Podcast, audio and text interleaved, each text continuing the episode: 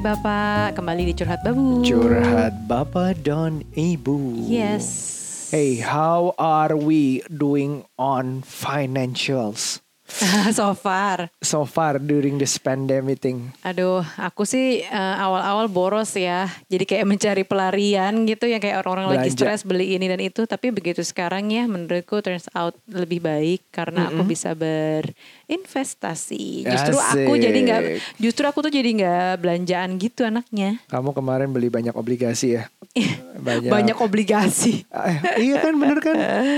Iya, aku beli Banyak. obligasi tapi Beli- nggak banyak. Ada ori. eh selama pandemi cuma Selama ori pandemi ya? ori Oh iya sebelum tapi- sebelumnya soalnya udah ada gitu. Iya, iya, iya. Eh, ya kemarin di eh, beberapa saat lalu di Instagramku aku ngobrolin tentang latte factor Di IG story ya. di IG story. Jadi eh, latte factor itu adalah sebuah teori yang dibuat oleh eh, David Bach. So sebuah apa- dia tuh eh, ekonom lah, pokoknya terkenal lah. Terus dia bikin buku latte factor. Latte factor itu mengabarkan seolah-olah keadaan eh, kita tuh lagi sering beli apa dalam perumpamaan dia dia menggunakan latte. Hmm. Jadi latte itu dibeli rata-rata orang sehari satu minimal, kadang dua. Jadi kopi lah. Um, terus gimana pengeluaran itu kalau ditumpuk itu bisa berarti lebih banyak lagi di ke depannya kalau nggak kita keluarkan. Oke. Jadi contoh perhitungannya kalau latte eh kalau kopi di Indonesia kan macam-macam nih dari kopi Iya. sasetan yang di warung tuh sampai kopi yang mahal-mahal kayak manual brew filter sampai frappuccino yang bisa habis kayak 50 ribu 60 ribu sendiri atau Iya. kopi hotel bahkan meeting tuh 100 ribuan tuh misalnya. Jadi 5 ribu sampai 100 ribu misalnya kita ambil jalan tengahnya 15 ribu 20 ribu lah. 20 ribu lah biar gampang. 20 ribu itu dikali 30 hari. Itu cuma satu kopi ya. Di 20 ribu kali 30 hari 600 ribu. 600 ribu dikali 12 satu tahun itu 7,2 juta. Mm-mm. Nah kalau aku hitung di depositoin aja di depositoin tuh kayak bentuk investasi paling konservatif Mm-mm. itu bisa dalam 20 tahun bisa 150 juta Wow. 20 ribu sehari bisa jadi 150 juta kalau di depositoin tanpa harus milih oh saham ini bagus oh properti sini bagus oh apa gitu enggak gitu as simple as that you're saving 20,000 a day you're making 150 million rupiah in 20 years Wow. does it make sense Iya. Mu- itu hitungannya kira-kira segitu 150 juta lebih gitu Tapi nggak kerasa ya. itu belum depositonya incremental yang bunganya ditaruh di situ terus ini bunganya masih kayak kita pakai terus Hmm. jadi 150 juta tadi hasil dari uang 20 ribu plus kita bisa menikmati uh, depositonya Hmm. so that's that's a lot jadi latte ini adalah sebuah Perumpamaan. perumpamaan bisa digantikan dengan produk-produk lain dalam hidupmu yang kayaknya kalau dikeluarin sekali itu kecil banget nggak ada artinya dibanding gaji gue pendapatan gue tapi kalau dikumpulin bukan cuma duit itu bisa digunakan buat investasi tapi banyak banyak hal lain gitu Mm-mm. kamu ada nggak barang seperti latte-nya David Bach ini Kalau aku eh nggak ada sih kalau yang bener-bener rutin yang dikit-dikit nggak terasa. Cuman kalau hal lain yang sebenarnya kecil-kecil tapi itu ngaruh banget adalah transfer. Dalam artian eh, kalau misalnya aku transfer transfer misalnya gaji-gajinya Mbak gitu ya, gajinya Wance, terus ada transfer beli apa dan lain-lain, aku tuh suka nggak memikirkan bahwa transfer antar bank an- beda beda bank gitu itu ngaruh kan 6.500. 6.500. Jadi kalau kamu kan suka super irit kan, ya udah kalau misal transfernya ke bank let's say bank BCA berarti kamu dari rekening BCA kamu. Kalau Mandiri lewat Mandiri kamu. Suka kayak gitu Aku- kan. nggak super irit lah aku aku juga banyak pengeluaran pengeluaran yang nggak jelas juga ada Nah, kalau aku suka bodo amat. Ya udah Yeah. yang penting duit gue ada yang di Bank Mandiri. Jadi ya udah gue dari Bank Mandiri mau transfer ke BCA kayak BRI kayak mau bank apa pun ya udah gitu. Jadi aku nggak mikir padahal itu kenanya lumayan 6.500 kali berapa transfer gitu. Per hari kan ada aja nih transfer ya. Let's say kayak Misalnya eh, transfer kemarin tuh eh, jahitan seragam, semua Iya, rata-rata aku transfer kan cashless Iya. kan. Terus eh, apa aja lah itu kan sebenarnya ada biaya-biaya. Aku nggak terasa tapi kayaknya itu ngaruh deh. Bisa. 6.500 aja dikali 10 transaksi udah 65.000 ya kan? Itu 10 transaksi mungkin kamu lakukan dalam ya oke uh, anggap satu kamu transaksi satu transaksi per hari sih kira-kira kan atau dua transaksi. Ya 6.500 kayak 20 Kayak ribunya 30 tadi. se- sebulan aja udah berapa? Nah, 6.500. itu anggapannya baru satu. Kebanyakan orang banyak lagi contoh seperti rokok. Hmm. Uh, padahal udah tahu rokok itu tidak bagus buat kesehatan, tapi Iya. ya ada orang yang spend rokoknya lumayan, per harinya Lumayan. puluhan ribu. Terus Sekarang mis- kayaknya rokok juga udah naik ya. lupa naik terus aku. harganya. Terus udah gitu ada juga perempuan misalnya skincare, Hmm. laki-laki juga ada, tapi perempuan skincare. Terus misalnya boba, Hmm. wah boba atau enggak jajan apa pun di GoFood atau di GrabFood yang yang ya lo tiap hari akibatnya dan ada ongkir kan. Iya. Ongkir-ongkirnya itu nambah gitu dibanding uh, masak sendiri. Jadi kombinasi antara masak sendiri. Terus juga banyak uh, streaming services. Ya. Uh, pengen ada Game of Thrones kita HBO yuk. Ya. Pengen uh, nonton Amerik apa American Gods atau apa gitu di di Prime Video. Pengen nonton Korea di View yuk. Nah, itu kan numpuk per bulannya yang sebenarnya awalnya cuma mau nonton A terus tiba-tiba masih bayar terus gitu. Dua puluh ribu, mulai dari empat puluh ribu, seratus ribu segala macam numpuk per bulannya. Terus um, main game Hmm. In-app purchases koin-koinnya, vouchernya. Nah itu banyak banget, banyak banget yang sebenarnya bisa di save. Tujuan aku eh, ngomongin ini sebenarnya apakah sesederhana itu sih? Gampang banget apa nge-save gitu? Aku kan tanya di story, kan banyak yang bales. Tapi gue kalau nggak ada kopi gue nggak akan bisa kerja dan itu lebih parah. Understood. Ngerti iya, aku. ngerti sih. Kadang-kadang baru on pikir gitu, gitu. ya. Iya ada Iya. sih. Aku juga kadang-kadang gitu kalau lagi ngantuk kayak gue butuh kopi deh, butuh kopi. Ya, terus terus ada yang mencoba menjustifikasi dengan tapi kalau bisnis kopi gimana? Understood juga. Emang bisa kalau misalnya lo memang bisnis kopi harusnya bukan jadi bagian dari latte factor lagi. Karena itu um, cost lo untuk untuk menghasilkan. Iya. Udah jelas dan itu bisa dibuktikan secara tangible. Lo beli berapa beans untuk dijadikan berapa kopi misalnya. Itu udah jadi bagian dari cash flow lo bisnis gitu.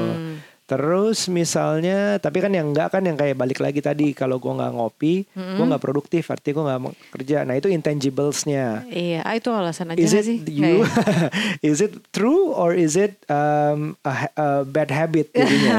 Jadi kayak, kayak, kamu gitu kan kamu kayak kalau nggak kalau kerja Iya. nggak minum kopi katanya nggak bisa kreatif. Nah itu juga itu juga alasan aku salah satunya. Terus Iya. udah gitu juga alasan kayak sama orang rokok. Udah tahu kan rokok buruk kan. Tapi kalau nggak rokok gue nggak bisa mikir, nggak bisa kreatif, nggak kerja gitu juga juga menjadi um, ya salah satu alasan. Terus juga um, ada juga yang bilang dia tapi bagusnya ada juga yang dia bilang bahwa dia udah nge-save nggak ngopi sama sekali selama 2-3 tahun dia bisa beli mobil bu LCGC. Wow. Jadi kayak dia dong. tabung dulu di depositoin atau di apa nggak tahu.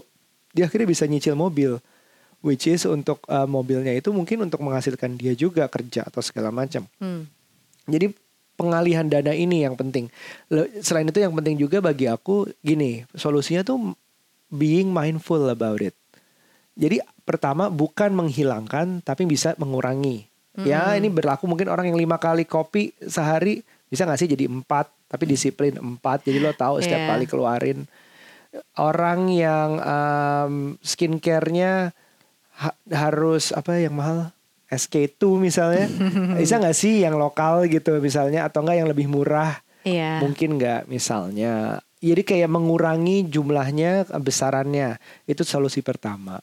Atau solusi kedua misalnya kayak misal em, bukan mengurangi bukan menghilangkan tapi menjustifikasi. Menjustifikasinya itu secara tertulis misalnya. Oke gue spend satu kopi per hari. Ini balik lagi kopi karena kita ngomongin latte factor lo gue spend satu kopi sehari. Gue menghasilkan berapa sehari? Coba juga dengan gue nggak minum kopi. Gue menghasilkan berapa? Jadi ada perbandingannya. At least you know you monitor dengan jelas sebenarnya ternyata dijalanin seminggu gitu nggak ngaruh. Gue tetap menghasilkan kok dari kerjaan ini. Gitu. Itu yang kayak ini nih versi aku ya bukan Iya, bukan David iya, Bahnya. iya, David Bahnya itu yang bilang latte factor.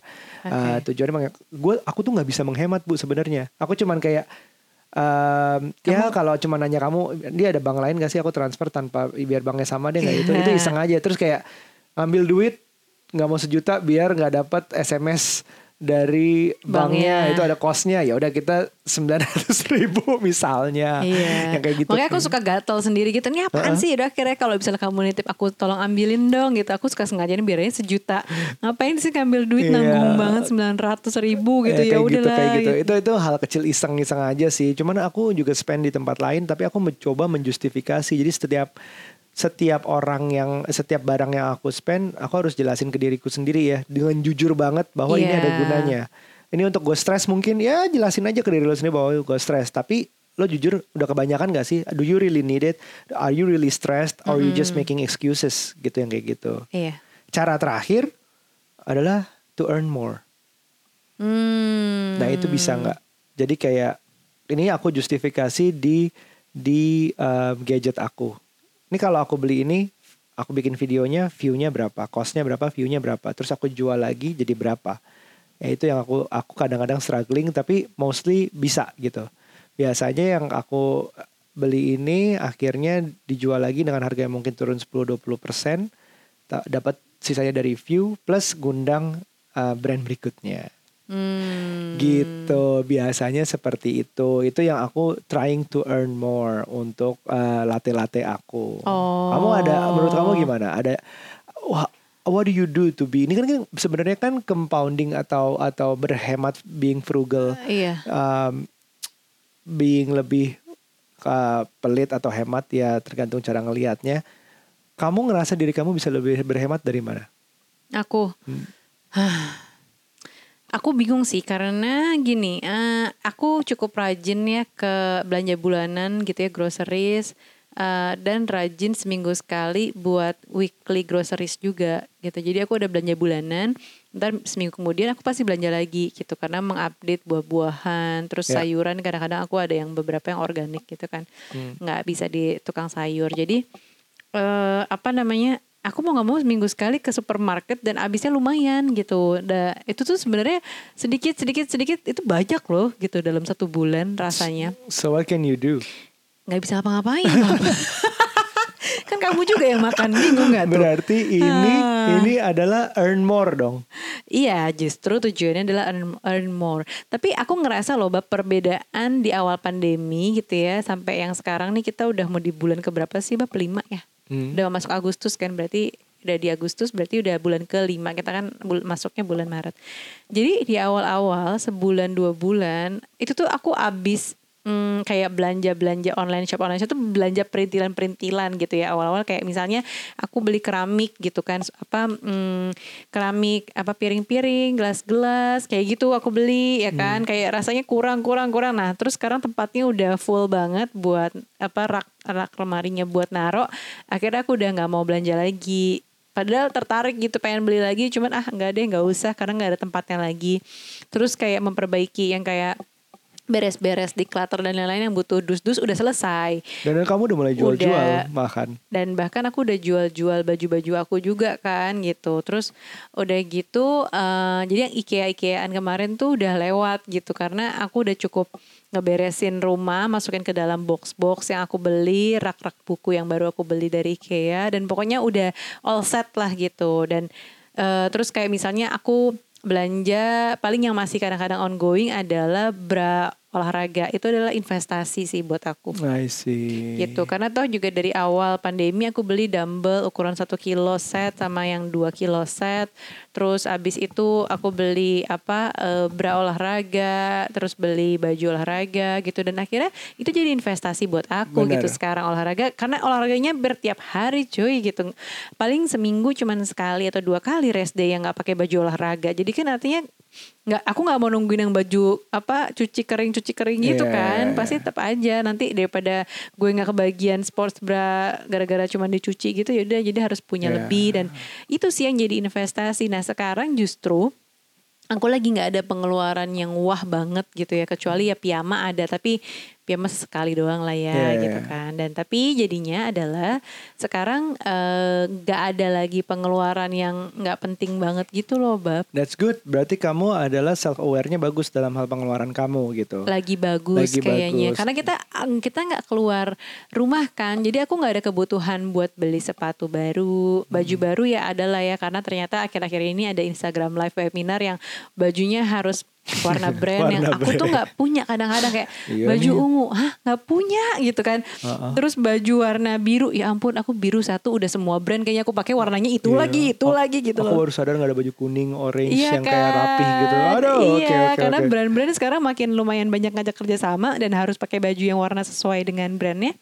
akhirnya nggak ada ya paling beli baju yang kayak gitu-gitu doang sih tapi bukan yang baju buat keluar gitu nah terus kayak beli apa lagi ya? Nggak beli tiket uh, apa? Liburan. Liburan. Udah pasti karena itu. biasanya ya sebelum pandemi aku tuh gatel banget non- ngeliatin ngebuka traveloka atau enggak cuma sekedar ada, ada apa ya? Ada tiket apa yang murah nih? Atau misalnya lagi ada promo staycation di mana? Eh sekarang boro-boro itu booking nggak ada. karena grup olahraga kamu itu. Iya.